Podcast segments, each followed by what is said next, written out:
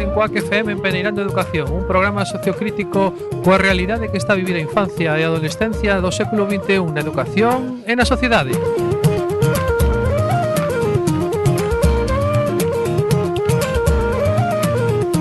Estamos en directo na 103.4 da frecuencia modulada. Tamén podedes escoitarnos en directo a través da internet na web de coacfm.org e na app de iVox ou no podcast que podedes atopar na propia web de Quack FM ou na app de iVox.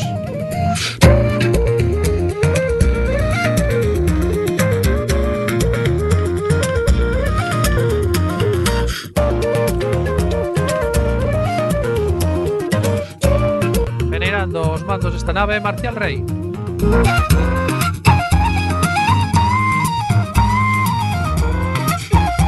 Os micros, o que lles fala, Fernando Sueiro.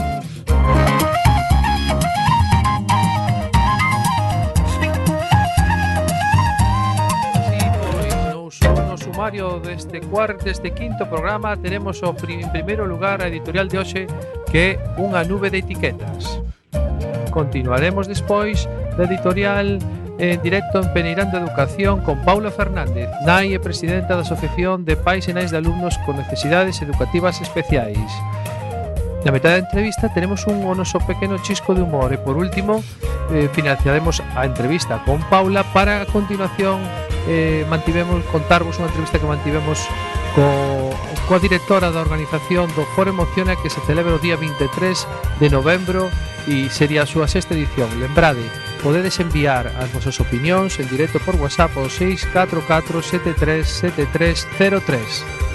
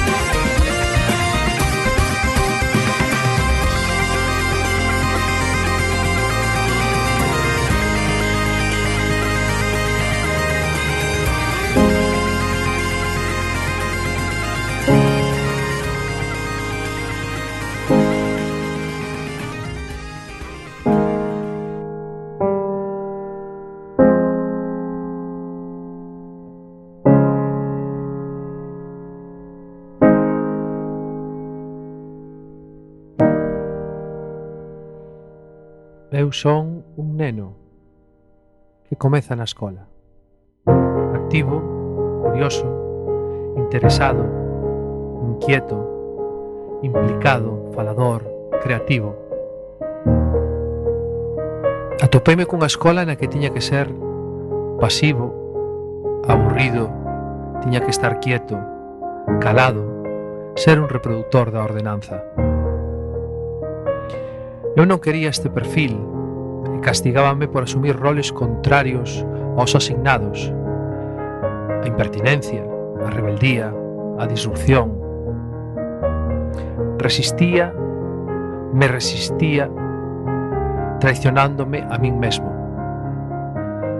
Visitei moitas escolas, moitos lugares das escolas, o despacho da orientación, o despacho da dirección, a cadeira de pensar que estaba no corredor, a biblioteca, pero non como lugar de lectura. E sancionárome con amonestacións, expulsións, como se aquilo conseguise que mudase a miña situación. O meu expediente tiña máis anexos que o expediente dun delincuente. Vivín a miña infancia penalizado polo mundo que me rodeaba e sentía unha persecución constante das miñas profesoras e dos meus compañeiros. Eu era un problema para todos. Recibín todo tipo de mensaxes que foron menguando a miña infancia e foron construindo a identidade de alguén que vive en soidade, sen autoestima, sentíndose culpable de todo o que acontecía ao seu redor. Soamente sentía que existía cando os demais me miraban. Para que me mirasen, tiña que ser o rebelde, o disruptor, o transgresor. Era a maneira que tiña de sentirme recoñecido neste mundo, aínda que a resposta fose sancionadora. Na miña casa, meu pai e miña nai xa non sabían que facer. Estaban tan desquiciados porque tiñan chamados un día sí e outro tamén da escola moi a miúdo e o que me dicían meus pais a diario cando saía pola mañá e xa cos ollos vidriosos era «Pórtate ben, fillo, fai o que che mandan. E cando voltaba, o seu maior interese era saber se fixera algunha nova fechoría. A miña familia estaba cansa, e eu tamén. Por iso, decidiron buscar outras vías a través dunha visión clínica para saber que me pasaba. Neste novo periplo atopamos un especialista que lles dixo O vosso fillo ten TDAH. Siglas que nunca escoitaran, ou si? Sí? E que iso? Preguntaron meus pais. Ainda que xa sabían algo respecto porque algún dos nenos que estaban no parque, ao lado da casa, tamén tiñan ese trastorno ou habían escoitado que algo, algo así era, aínda que non iban moito polo parque. Trastorno de déficit de atención e hiperactividade. Isto supuxo un alivio para eles, meus pais e para a escola. O fin tiña unha etiqueta e unha xustificación perfecta das miñas accións e o meu comportamento. Meus pais puxeron todas as súas esperanzas naquelas pastillas que comecei a tomar. Ás veces non podía dormir. Outra parecía máis alterado e outras máis canso. Incluso as veces quedaba dormido. En definitiva, tardei en darme conta, pero Aquel das pastillas non era eu. A pesares de que yo dixen aos meus pais, eles dicían É polo teu ben, meu fillo, é polo teu ben. Nesto chegou o instituto e o meu expediente xa dicía todo de min. Era un expediente que resaltaba todas as miñas malas vivencias. Os que xa me definiran, con xuizos xa feitos, cunha nube de etiquetas. Xa todo o mundo estaba preparado para a miña chegada. Xa sabían que medidas tomar contra o disruptivo. Era xa culpable por defecto. Entón, comezou a búsqueda de sustancias que me evadisen desa realidade, da que non tiña escapatoria. Comenzaron as adiccións, os trapicheos, ao seguir situándome nesa identidade que me foi fabricando o contexto socioeducativo. E aí estou, tentando sair Escapar, fuxir de todo. Aonde? Preguntome, pregúntome moitas veces cada día. Busco un contexto onde me deixen ser, onde poida ser outro, onde poida recuperar ese neno activo, curioso, interesado, inquieto, implicado, falador e creativo. Ando buscando ese contexto onde poida atopar a ese neno. Se alguén o coñece ou o ve, avisádeme pegada da educación na infancia e na adolescencia define en gran medida quen somos e quen seremos.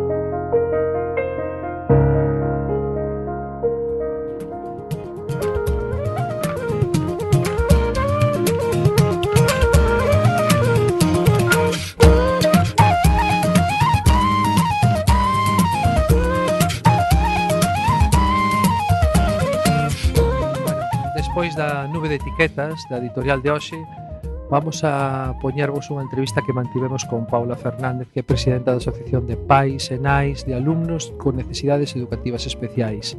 Xa tivechedes un pequeno avance no anterior programa, pero vamos a ver eh, a totalidade da entrevista.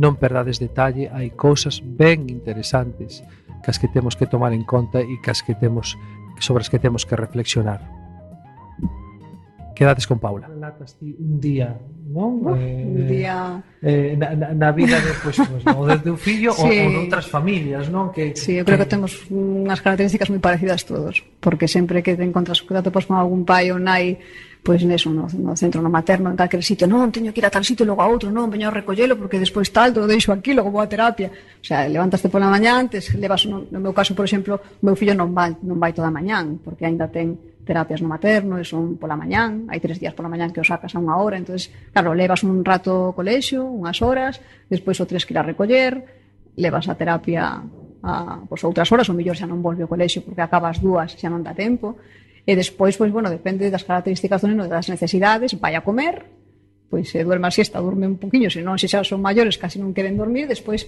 por menos no, no meu caso pola tarde, e outra vez volta a empezar pois, ca terapia, ¿no? Mi fillo necesita fisioterapia, necesita logopeda, eh, o sea, de todo. Entonces xa chega chega despois a tarde, a merenda, a noite, e xa non che dá tempo a facer moito máis. É, si, é un eh, non parar. Pero no, bueno, no. claro, o que hai. Claro, no. Sí, de eso non nos queixamos, eu non me queixo de estar con ele, de facer todo o que poida para que este o mellor posible, claro, pero sí, sí que é verdade sí, sí. que a tranquilidade que nos daría que na escola eh, o sistema educativo fose mellor Incluir a todo incluído, eso que, incluir, que incluíra, xa, xa non digo todo, pero polo menos o suficiente para estar tranquilos, non ter que estar encima ca preocupación, é o que se comentaba antes, e ter que ao mínimo problema que tes, ten que estar indo a, a pues, administración e pasar toda unha mañán despois de todo ese ajetreo, imagínate, imagínate pasar toda unha mañán ali sentada esperando que te reciban para que che den unha solución ou porque tes un problema que non ves que, que se solucione, este che dice que claro non pode facer nada, ou de arriba, cando che atenden? Entonces, pues bueno, o sea, individualmente desde logo non vamos a conseguir nada. Como non nos agrupemos e non lle demos visibilidade a todo isto, non, non é fácil. Non, porque ademais para... para... E hai moi cansado. Sí, sí, pero ademais pensando nos pequenos, non? Que, que toda ese eu o visualizaxo ese, ese desmembramiento de distintos eh, profesionais, distintas infraestructuras, eh, de, eh, de desplazamentos, eh, claro. é unha situación, sí. dicir, evidentemente o sistema está así montado, digámoslo así, entonces implica eh, un esforzo moi grande por parte xa non só dos nenos, sino das familias, mm. falo incluso de, de ámbito laboral, seguro que sí, tens algún sí, caso claro. pois pues, que houve que deixar Complicado, de traballar sí. ou que ou que mm. implicou unha outra serie de, de, de medidas e que e que isto ten unha influencia nese estrés, non? Que que ten o neno e no estrés que ten a familia. Sí. Supoño que nese caso teredes tamén pois pues, situacións moi complexas a nivel vivencial, non, por parte de distintas familias. Sí, non? claro, porque non é fácil, eh, é que cada un tamén ten a súa maneira de aceptar as cousas e de vivilas, e cada un xestiona o estrés dunha maneira distinta, pero cando o estrés é tamén emocional, encima a preocupación por o fillo que supoño que é o que máis queres no mundo, pois imagínate, o sea, eh, é complicado, sí. É de eso, xente que, que non ten a sorte de poder estar eh, dedicándose ao seu fillo ou que está traballando ou que ten que deixar os traballos porque é imposible manter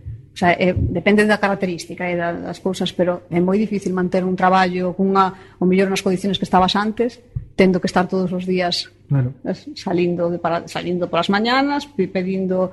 O sea, é, é moi complicado. Claro, por eso digo bueno. que realmente debería haber unha infraestructura que aglutinara un pouco todo este tipo de situación, porque como te dís, sí. Hai situacións onde bueno, pois pues necesita algunha terapia concreta, non? En función de, das diversas capacidades sí. que pode haber Pues, e, e hai outras onde, pois pues, claro, ten que estar incluído co, co resto, non? Co resto do, do grupo, non? Un pouco o que me trasladabas un pouco antes, pero o ideal realmente é que que pudera estar todo un pouco incluído, non? Claro. Pa, incluso polo segmento, non? E a evolución do propio neno para que porque sempre é moito máis complexo, non? Cando estás con distintos profesionais en distintas infraestructuras e dependendo Uf. de distintas conselleiras claro. ou distintas administracións, claro, se sí. complica eso, non? Sí, se complica todo porque tanto para os pais como para os nenos, tamén para os nenos é un estrés porque non, non pensamos que mellor son pequenos que aguantan con todo, pero que, que o traballo que fan durante todo o día, cambiando de ámbito, saindo da cole, indo para aquí, para lá, polas tardes outro sitio. O sea, realmente a nós, nos, por exemplo, como, es que non queda casi tempo para xogar. Sabes? E despois un, un profesional che dice, bueno, tens que facer eso, tens que intentar facer isto con tal. Tens que outro che dice, bueno, pois pues é importante que fagas isto e digo, vale, pero es que o día ten estas horas e que xa non teño máis horas. Xa, xa non, xa non hai máis. E claro, logo ves tamén, eh, ou che contan, e tampouco nos, non son o profesional desto, non temos a investigación tan feita, pero sí que é verdade que hai outras comunidades que son un exemplo en, en metodoloxía, en, en educación, e todo o mundo pon o mesmo exemplo do País Vasco, por exemplo, uh -huh. que ten unha circunstancia pois moi que favorece moitísimo máis a inclusión. E incluso chegan a ter hasta fisioterapeutas nos colexios. Uh -huh. eh, bueno, pois, o cuidado son, os cuidadores pois, son integradores sociais, O sea, eh, creo que non deberíamos de mirar para o que para o que temos, senón intentar mellorar, xa non, non tes por que ir a outros países. Xa dentro do noso mesmo país hai sistemas que funcionan mellor, pois temos que intentar chegar a eso como mínimo. Claro, o sea, claro. Eu creo que como mínimo, creo que nunca debemos de parar aí, que isto é un camiño de, de que a educación se vexa como un... Non, non se pode politizar. Ten, ten que ser eh, única, que se poñan todos de acordo, e que fagan un sistema bo de educación, eu creo que é o máis importante, claro. da sociedade. Eu es que se non par, se non empeza por aí, non sei claro. por onde ten que empezar.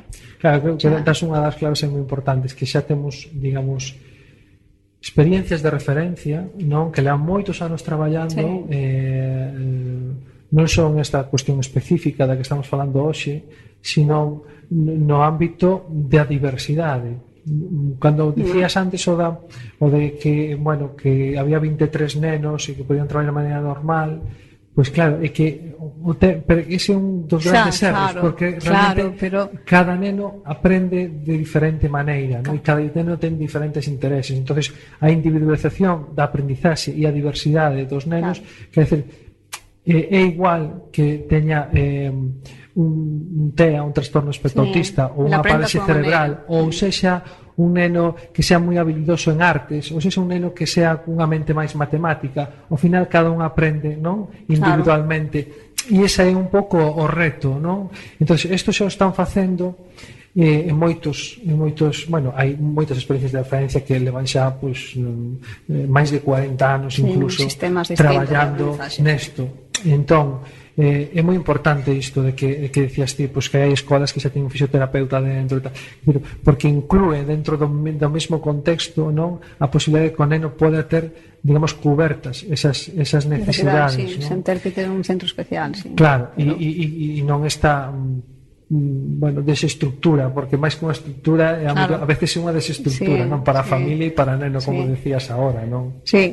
Mas que, bueno, nos, eso, claro, es que todo eh, o que pensamos e os ideales que temos todos sí, a educación, claro. por menos o que tiven sempre, ainda antes de, de ter o noso fillo, que isto non é porque sea unha necesidade especial, o que pasa que encontrámonos máis desprotegidos aínda que o resto. O sea, se a todos os nenos Totalmente. pode costar, o sea, mm. parte da miña experiencia, non fun unha nena pois, pues, que me costaba máis as matemáticas, pero era eso, encontrarse con unha educación pois pues, global que era para todos igual, eh, eh, bueno, pois pues non, non sabían o mellor levar Pois ao mellor pois, fa, mm, dábanse mellor os idiomas e as letras e o arte e cando descubrín que se me daba ben eso, pois aí xa sabes, o, o, o consigues facer o mellor e chegar onde queres chegar. Uh -huh. Pero, eh, claro, é tan importante eso. O que pasa que nos eh, centrámonos nesto porque é a problemática que temos e intentamos que, que, que bueno, que se nos escoite un pouquiño para intentar cambiar a global, claro, para intentar logo chegar a cambiar un pouco a nivel global, pero Claro que, mm, se sí. xa é complicado que teñas eh, medios suficientes ou eh, o que a mentalidade este suficientemente eh, adaptada como para traballar con estos nenos e creer que deben de estar aí.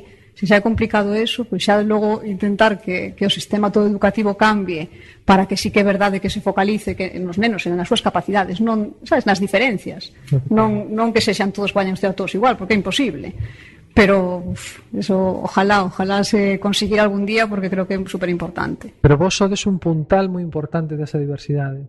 porque eh, eh nos dende, dende o programa, dependendo da educación, un dos, dos objetivos fundamentais precisamente é eh, dar luz aquelas situacións que son que teñen maiores maiores carencias para realmente ver a carencia do sistema, porque eh, non é distinto eh, o teu fillo ou, ou outro neno que teña un diagnóstico X de, de outro neno, non? Os nenos, que dicir, somos todos iguais, non? En, en, en dereitos, non? E polo, e, polo, e polo tanto debemos de ter a mesma a mesma atención e sobre todo a mesma aceptación que eu Non sei como visualizas este tema eh, e como visualizades dentro da asociación este tema da, da aceptación social, non? Por parte eh, de, ti contabas a túa experiencia particular, pero hai, hai outras experiencias seguramente que a mellor non son tan positivas, non? A ver, claro, eu a parte que depende de supoño que de como vexas as cousas, e depende do, da necesidade e do tipo de neno que teñas en casa. Eh, su, tamén teño a outra parte de mm, ao mellor capacidades máis difíciles de aceptar por os demais nenos e que hai que explicalas máis, por exemplo, como un TEA. Porque no, no, noso, no meu caso o meu neno vai en unha silla de rodas, xa partes de que, bueno, xa é visible, xa algo lle pasa, xa, bueno, pois é, é unha cousa que, que xa está aí. Sin embargo, un neno cun, cun autismo, eh, aparentemente un neno que non ten nada eh, que, que che poida dicir, pois mira, este neno ten unha discapacidade ou, ou, ou ten unha, estas características, vou tratalo así. Entón, claro, como eso, os nenos, por exemplo, se non lles explicas, por exemplo, desde a escola, que é o que é importante, evidentemente nun parque pois sería cosa dos pais, pero na escola, se ti non lles explicas aos nenos ben a, a, a, o neno que teñen en clase, como teñen que tratalo e demais, vai haber rechazo, por que? Porque ese neno non vai querer xogar contigo, eh, e non sabes por qué, este neno é raro, eh, O sea, por eso é tan importante que as cousas expliquen ben, porque sí que hai moito moito rechazo a, ao desconocido. Me interesa moito, Paula, isto que acabas de dicir, que para min unha chave tamén moi importante por, por, porque é outro dos ámbitos de, de desenvolvemento dos nenos, non? que é o momento de relacionarse fora do, do ámbito escolar. Non? Mm. Que, mm. que pasa aí? Pois pasa que, que bueno, pois que pois que nos os pais de agora non tivemos a formación que tiñamos que tener que ter de inclusión e coñecemento da diversidade que hai. Non a temos, temos que aprendela. Por que? Porque na nosa época, por, es que falo de min, eh, eu tampouco, pero creo que en general, porque a xente que coñezo do meu, do meu ambiente tam, tamén lles pasaba o mesmo. Non coñeces tanto a, a discapacidade, como creo que se vai a coñecer a partir de agora, porque cada vez hai máis nenos que están incluídos dunhas condicións que podrían ser millores, pero sí que hai máis. Entón, pois, pois se, seguramente eh, xa no, no colexio vai, vai, ainda que non se toque na túa clase este ano, mellor choca, toca cho para ano que ven, ou na clase do lado, do lado había un neno pois con estas características, pero non se, non se coñece. Entonces, pois non sei se si é que somos menos sensibles a eso, non nos preocupamos hasta que nos toca, ou non ten tanta visibilidade, visibilidade aí, es que non sei, non sei moi ben por qué, pero sí que é verdad que, que hai moito descoñecemento. Eh, pois igual que, que a mobilidade, a facilidade para aparcar, as plazas de discapacitados que a respeten, bueno, eu creo que é unha cuestión implica, de educación. Que implica ese descoñecemento? Mm. Ah, que decir, a nivel, a nivel práctico, non para eh, que, que implica na, na realidade que implica ese descoñecemento? Que, que, que, que percibides? Que, que, que, que que resposta che dá o outro, non? Nesa realidade.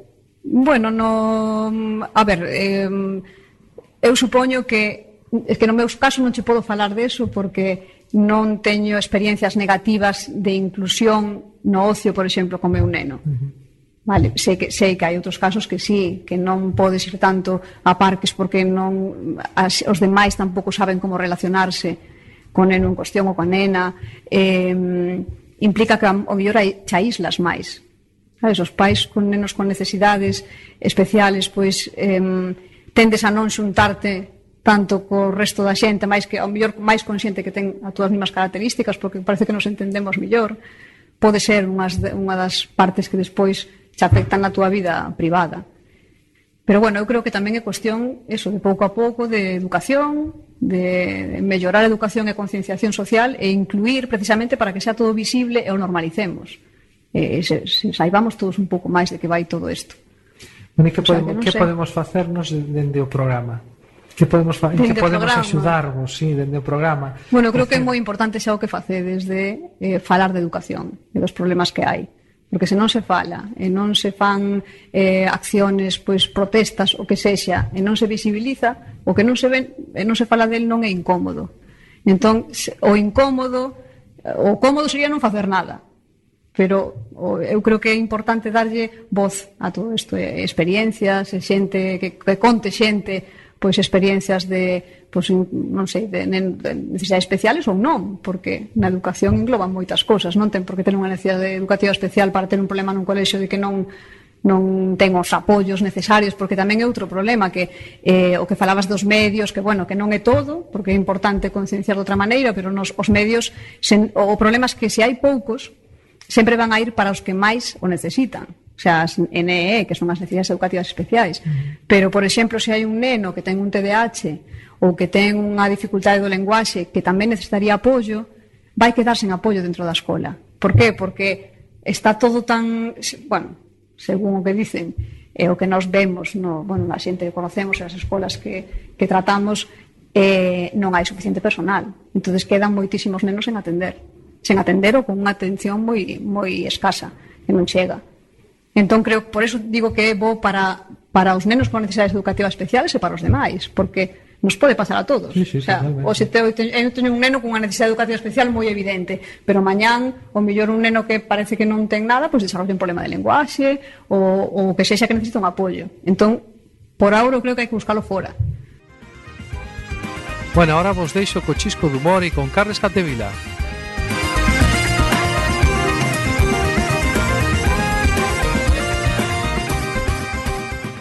Lo que comentábamos, ¿no? En el parque infantil hay otra ONG, ¿no? Que es decir, ningún niño sin pala ni cubo, ¿no? Que es una ONG eh, de padres o madres que no soportan el conflicto y llevan palas y cubos para todos. Yo no he comprado palas y cubos hace muchos años. No les funciona porque el niño quiere la pala del de delante. Aunque tenga 10, dice este mamón de aquí delante está disfrutando eh, con una pala y yo me estoy aburriendo, pues o su pala es mejor o no me da la gana que se divierta tanto, pero yo quiero su pala. O sea, es que estas son las reglas del parque infantil, ¿no? Entonces, los padres y madres hacemos lo contrario. O nos estamos diciendo, hay que compartir, compartir está bien, todos de todos, ¿no? Que es un mensaje un poco naif porque compartir está bien, pero requiere tres cerebros o cuatro para entenderlo. O sea, porque el cerebro primitivo no está para compartir. Y el emocional tampoco. Tienes que hacer el racional y decirles, hombre, compartir está bien. Hay psicólogos que me han dicho, pues si quieres enseñar a tu hijo compartir, no le digas, está bien, es muy divertido, porque tú no lo entiendes. Y dices, pues no me divierto compartiendo. Dices, no, compartir, pues es jodido, lo tenemos que hacer, pero bueno, va a venir niños a casa, te dejamos amnistiar tu juguete preferido, lo escondemos, uno o dos, decidimos qué juguetes compartimos, compartir está bien, pero es duro porque cuando se vayan algún juguete se habrá roto, porque viene, aquel chaval tan bruto del vecino, ¿no? Entonces, eh, bueno, compartir es un ejercicio de, de empatía, es decir, hay que compartir, pero entiendo que te, que te cueste. No podemos decir, compartir está bien, todo es de todos, con esta sonrisa un poco así rara, porque no es verdad. Probarlo mañana, por favor. Cuando vais a desayunar, cogéis el donut del de al lado y... y si os llama la atención, le decís, todo es de todos, compartir está, compartir está bien. No ocurre, en el mundo adulto no ocurre. Igual que decimos, tienes que ser amigo de todos, de todos. Y dice, pues mamá, pues yo he visto que con dos madres no te hablas. Eh, lleváis media hora rajando de aquella otra madre. Habéis creado un subgrupo de WhatsApp para criticaros. O sea que no, no, no. O sea, no veo aquí. deste Chisco de Humor vos deixamos coa segunda parte da entrevista á presidenta da AMPA de alumnos con deficiencias educativas especiais Paula Fernández. E como porque eu creo que a, a asociación que, que bueno que acabades de constituir fai pouco e que, e que un pouco intenta camiñar eh, neste ámbito que, que levamos falando todo, durante todo este rato mm. eh, como pode ser porque creo que hai unha vontade e se non me, me rectificas unha vontade totalmente decidida a colaborar cos centros educativos. Sí. Entón, como os centros eh, poden, digamos, entre comillas, utilizarvos ou axudar ou axudarse de vos, non? Nese sentido para bueno, para esas dúas cousas, unha para poder eh, ter máis máis recursos, como decíamos dende o inicio, e outra tamén para atopar canles de formación que lles axuden tamén a cambiar un pouco a mirada non con respecto ao traballo na diversidade. Claro, nos, nos centrámonos en eso, en primeiro intentar eh, ter unha vía directa coa administración, que creo que a través dunha asociación é máis fácil que directamente cos pais, claro, de cada un individualmente, e a través de iso, pois, que os colexios nos tras... sobre todo os pais, cando teñamos reunións que nos transmiten as necesidades que hai, que o que pasa nun colexio, que o que pasa noutro, non queremos eh, solamente eh, ser dun colexio de outro, por eso queremos pertenecer á asociación de AMPAS, por exemplo, que, o sea, isto non é un ampla excluyente, ao contrario, é un AMPA que queren englobar tamén o sea, os resto dos AMPAs e que, nos, e que entre todos podamos darlle difusión, pois eso, a ideas que podas teñer, ter, pois de, de non sei, pois para dar formación, para facer iniciativas que se lle ocorran, pois, ao mellor aos pais que teñen un neno con, con X diversidade, pois se lle ocorre unha cousa que nos transmite, oye, pois podemos facer isto. Outro día eh, vin nun Facebook, que, bueno, tive en contacto con ca presidenta da Asociación de Sordos, e eh, eh, fixeron unha iniciativa moi boa, que era unha cousa tan fácil como poñer unhas, un, es que me encantou, poñer unhas fotos ao lado do pitogramas ou da porta, pois de, de, dos símbolos do linguaxe de sordos, simplemente unha foto. Entón, os nenos están vendo todos os días ese, ese símbolo, e co, simplemente con eso, eu creo que se axudaría moito pois, a un neno que é sordo pois a, a en, sen, sen dar clases de, de lenguaxe de sordos, que sería outra cousa, ese é importante, pero, pero bueno, son pequenas cousas que o mellor entre todos, unha persoa non no pensa só en eso, pero entre todos podemos pensar e trasladar a través das AMPAs, a través, bueno, de todas as iniciativas que se nos ocorran. O sea, entre moitos se pensa máis. E despois a coa administración, pois realmente os problemas reales, poder transmitirlos para intentar que nos den solución. O sea, ter unha vía aí de, de facer un, os informes ou o que sexe cada X tempo que nos eh, abran as portas ali a ter eh, reunións con eles para transmitirlles a necesidade que hai uh -huh. e as solucións que nos dan. E se non dan solucións, pois tomar outro tipo de iniciativas, pero sempre sendo visibles. Uh -huh. Sabes, dando, dando visibilidade a isto que non, non se pode acabar nin agora, nin con unha reunión ou unha manifestación un día non chega. Uh sea, eso eu creo que hai que estar aí constantemente. Cando non estemos nós, porque situacións personais non podamos estar, que haxa xa, pois pues eso, neste caso, unha asociación montada onde poda, podamos dar un relevo a xente que veña detrás peleando polo mismo. E, e como creo. Eh, as familias, non? Como se poden poñer en contacto con vos? Como que, que canles un pouco todas establecidas Bueno, nós temos un... A ver, ahora mismo estábamos dándonos a conocer nos colexios a través das AMPAs, nos mandamos mail cunha carta de presentación que temos con, co correo electrónico, con, incluso con, con meu teléfono, por se si hai xente que non se pode poñer en contacto por correo electrónico, e nos lle explicamos todo, como funciona, e un pouco de que se trata de que se trata isto, e os animamos a que veñan eh, a reunión que temos o día 30 aquí no Centro Cívico de Rosales pues, para conocer, coñecernos e eh, que lles expliquemos un pouco o proxecto e se están interesados en unirsanos. Porque aparte isto tamén é un grupo de apoio. O sea, un grupo de apoio e intentar buscar información que non sabemos moitas veces os pais encontran ca dificultade que non saben nin os dereitos que teñen. Falamos antes que se topan sós, non? Moi solos, moi sós. Eh, eh, ao millor eh, casos, se queres casos, que non che podo dar casos en concreto, pero que os pais que chegan chegan a un colexio con un neno con unha dificultade cunha discapacidade X e, e resulta que ese colexio lles dice que non poden matricular un neno ali porque non teñen medios suficientes.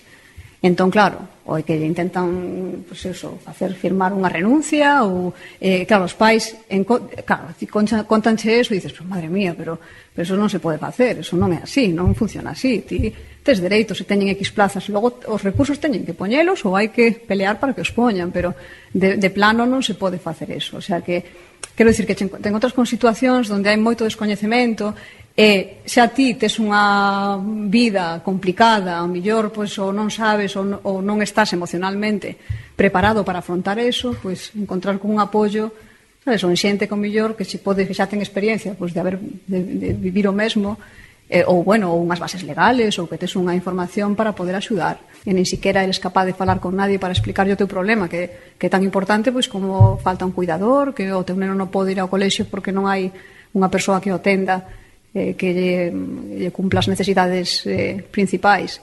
Entón pois hai desas todo... situacións, non? hai situacións desas, sí, moitas. De feito saleu fai pouco un, unha na prensa. É eh, eh, complicado ter que salir desa maneira. Por iso que nos intentamos é que non os pais non teñan que expoñerse así, porque moitas veces se non pasa unha situación grave donde ti te expós expós o teu fillo, que non é fácil, non é doado facelo, porque a nadie lle gusta facer eso. Eh, pero para que alguén de arriba te escoite porque sale aí, e como sale, pois entonces sí que se vou atender. Entón, eso, eso é, é, é moi doloroso eh, para as familias. Entón, pois, se hai outras formas de facer as cousas, ou polo menos empezar a facelas de outra maneira, sen que teñamos que chegar a eso, pois é o que nos creemos que, que pode ser unha, unha boa opción. Por y... eso os animamos a que, que cantos máis sexamos mellor. Claro, claro. Como decías ti antes... Claro, a, a unión fai a forza. A unión fai a sí, forza, claro. Que sí. E isto sí. fai moita falta de que haxa moita unión, porque sí que, como decías ti, hai moitas familias con diversas realidades sí. e, e moi complexas, sí, non? sí. moi complexas. E no medio de todo isto están os nenos. Sí, claro, que son os, os principais, porque aparte te, sempre estamos falando de que, bueno, eh, os derechos os dereitos dos traballadores hai que xuntarse nestas reunións porque uns pelexan por isto, pois hai que os dereitos de todo o mundo, pero os dereitos dos nenos a, a unha educación inclusive de calidade, a un a un a, sabes, aos dereitos fundamentales que teñen, que é un dereito de toda a infancia. Entón, pois eso hai que defendelo e hai que estar aí. Eu creo que que mellor que uns pais, que mm. son os que máis se preocupan polos nenos para estar representándoos. Mm. Que, ti que crees que pasaría se si algún destos situacións que, bueno, son bastante comuns, non? Como decías, evidentemente hai de todo, pero sí que hai situacións comuns de, de, de como levábamos falando antes de bueno, pois pues, a distintos servicios, de, de, de, deixar, de ter que deixar o traballo, etcétera, etcétera, etcétera danos colaterais que non debían de ser danos colaterais porque tes un neno con, con diversas capacidades, non? Eh, eh, se si lle pasara eh, se si esa situación que falando dos dereitos, non? Se si lle pasara a un adulto ter que pasar por toda esa situación, onde se poñería o grito? Pois eh... É dicir, pensando un pouco Pois si, sí, parece que os nenos son de pedra, poden aguantalo todo eh eh, creo que son as persoas que, que hai que protexer máis que os nenos son vulnerables e dependen completamente do que fagamos con eles. Entón se non respetamos eso xa onde vamos a parar? O sea, son, son amas son o futuro da sociedade. Entón ten que, ten, temos que empezar a darnos conta de que temos que protexelos e temos que, que facerlles a vida máis fácil, e iso parte, bueno, no noso caso que por educación, despois unha sanidade acorde co que necesitan, coas súas necesidades, e que non dependa solo tamén da, da economía dos pais, por exemplo, de que pode, poidan eh, pagar, pois o meu neno está millor porque eu podo permitirme pois levalo a un terapeuta desta maneira ou darlle unhas clases extras daquela, Claro, pois porque non están incluídas no colexio, porque no colexio non chega, entón claro, eso eh, é a tristeza. Esta outra, esta outra cuestión que tocas que que é moi importante, que é o tema económico. Tamén, que, moi importante. Que implicación ten o tema económico Moita. en a donde pode chegar o teu fillo ou a donde non pode chegar? Moitísima. Moitísima. O sea, eu por lo que vexo, moitísima.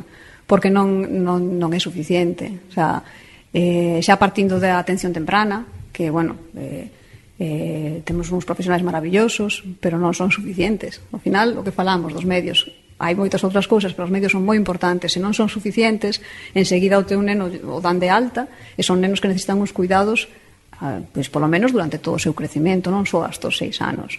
Eh, xa o, a, o que lle dan, as sesións que lle dan, e os tempos de sesións son moi escasas para o que necesita eh, cada neno, prácticamente todos. Eu creo que, bueno, non sei que sean casos moi moi leves que eu creo que xa nin están en atención temprana. Estos son nenos que necesitan moito moita atención.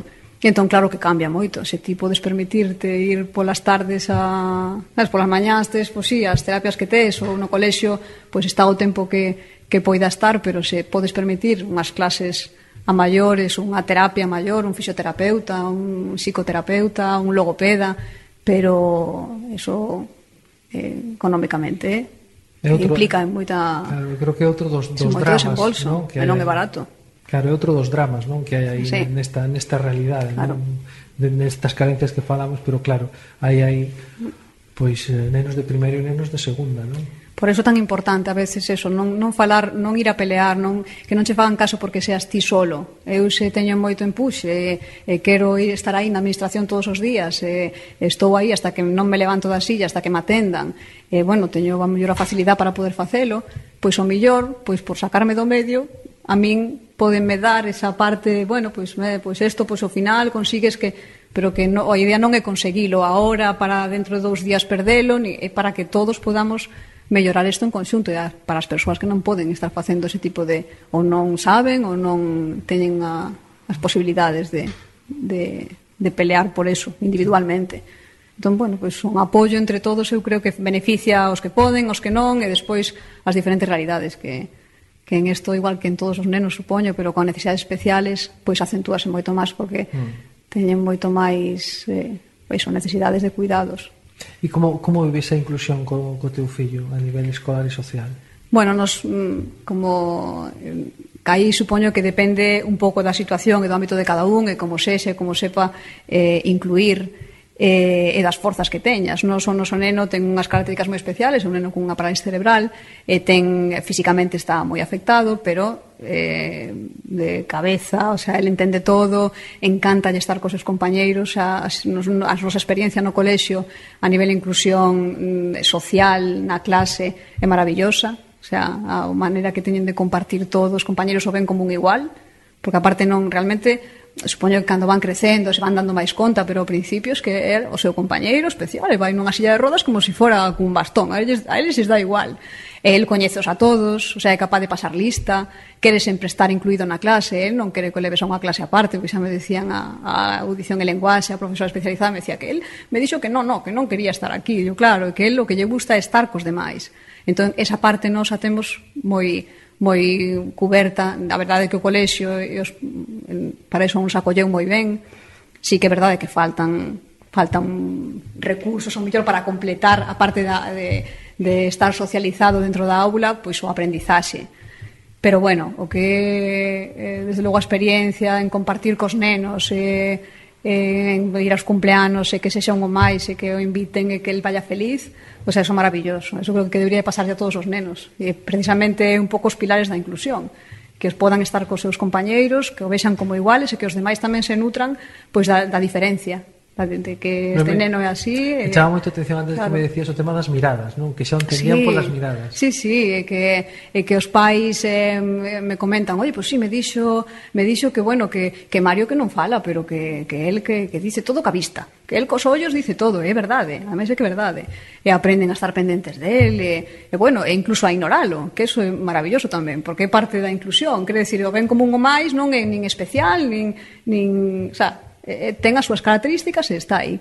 O sea, que eu creo que é un beneficio, eh, incluso a nós, o millor, pois, eh, facemos moitísimas cosas con el, temos unha pandilla de amigos, o incluímos sempre, e nunca o vemos como unha dificultade para facer de todo. O sea, dende o ocio, o deporte, eh, bueno, neso nós, a mellor temos unha mirada moi positiva, eh, eh, pois intentamos ver sempre o positivo máis que a dificultad, pero claro, sen obviar que as hai e que se podes axudar a solucionalas pouquiño a pouco e aportar para que isto a situacións de moita xente que é moi complicada, incluso da nosa, que tamén tem, temos moito que, que mellorar. Entón, pois, creo que é un, unha boa opción. Eh, Esa tarde que estuvimos xuntos en no Centro Cívico dos Rosales e, e queremos de aquí mandarlle un saúdo moi afectuoso a Paula. Ahora para continuar vamos a poñervos unha entrevista que tivemos co, co responsable da compañía que é o única grupo eh, que son os que se encargan da organización do Foro Emociona. O Foro Emociona eh, pois ven sendo un encontro de, bueno, de máis de mil pro, de máis de mil persoas entre profesionais, familias, xente de distintos ámbitos sociais, que se atopan en, bueno, fundamentalmente casi todas as edicións foron en Santiago de Compostela, eh, pero esta é a sexta edición do Foro Emociona. Entonces, vos vou a deixar coa entrevista que mantivemos con Ana Farmiñán Fraga, eh, a directora de Única Grupo que a que organiza este Foro Emociona. Non o perdades, é moi interesante. Hoxe temos connosco a Ana Farmiñán Fraga, eh, que é directora de Una Grupo, eh, bueno, como or, el, entidade organizadora non do sexto, do sexto, do sexto foro emociona. E a cal primeiro quero agradecerlle a súa disponibilidade e mobilidade para estar sempre neirando educación de Coac FM. Hola, Ana. Hola, buenos días, Fernando. Hola, bons días. Mira, levades, eh, creo que seis edicións, ¿no? desenvolvendo un pouco este, este foro Emociona, eh, e, bueno, polo que vemos un pouco seguindo tamén esta, esta iniciativa, bueno, eh, convertirse nun, nun elemento de referencia dentro eh, non só do ámbito educativo, sino do ámbito social, eh, e, e é un dos maiores encontros pues, tanto da nosa comunidade como a nivel nacional, incluso internacional. Como, como xurde esta iniciativa? Por que eh, pois, a neurociencia, a educación emocional, por que poñer o foco sobre todo isto? En un principio, ya hace de esto pues, seis años, eh, surgió, bueno, somos un equipo eh, de profesionales que nos dedicamos a la educación uh -huh. emocional. Esto significa pues, que implantamos programas de educación emocional en cualquier ámbito. Podemos hacerlo en un colegio, podemos hacerlo en una empresa. Y nos dedicamos, bueno, pues a llevar el desarrollo de las competencias socioemocionales allá donde nos llamen, ¿no? porque creemos que es una educación para la vida.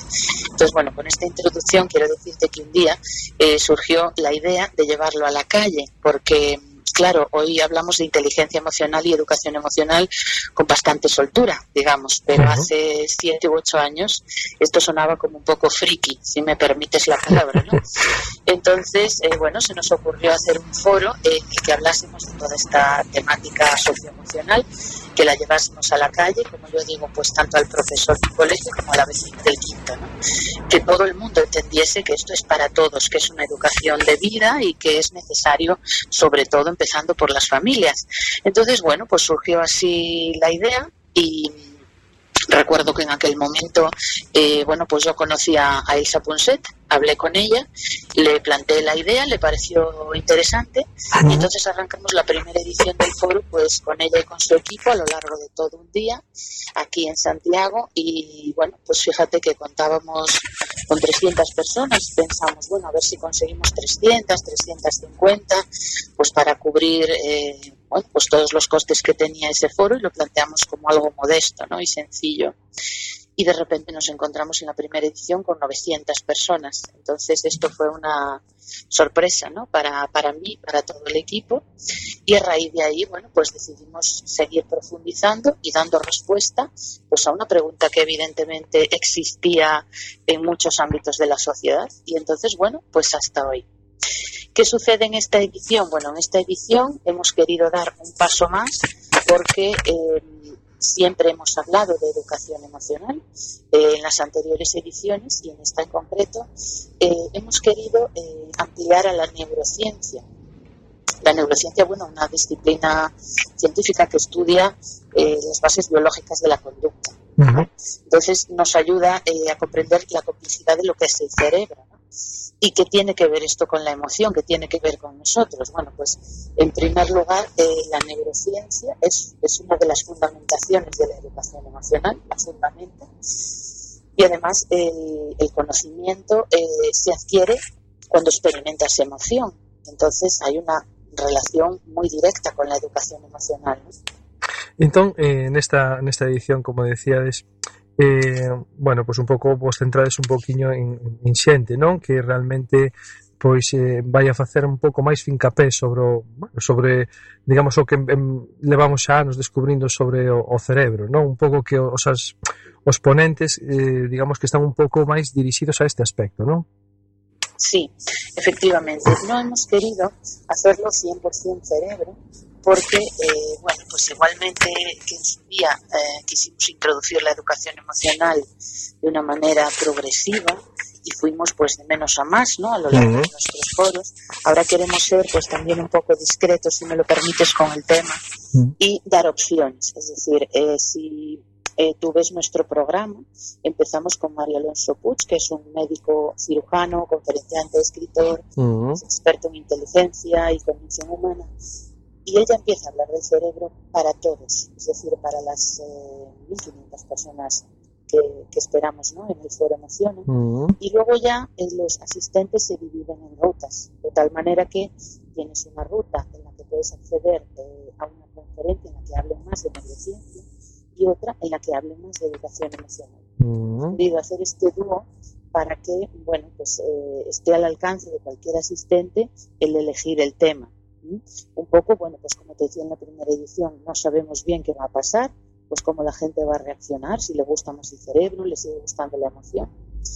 Y entonces, bueno, pues vamos a tener expertos en neurociencia en la parte que va a hablar de cerebro, uh -huh. expertos en educación emocional igualmente en la parte que va a ser más de, de emoción. Uh -huh. ¿Cómo, cómo tenía eh, a xente que, bueno, que inscribirse, como un pouco son as, eh, a, digamos o coste de, desta xornada formativa, un pouco podrías informar un pouco así os ointes un pouco de como como terían que facer. Sí, por supuesto. Tenemos eh, tarifas de, de, varios tipos. Eh, pues la tarifa general eh, cuesta 74 euros.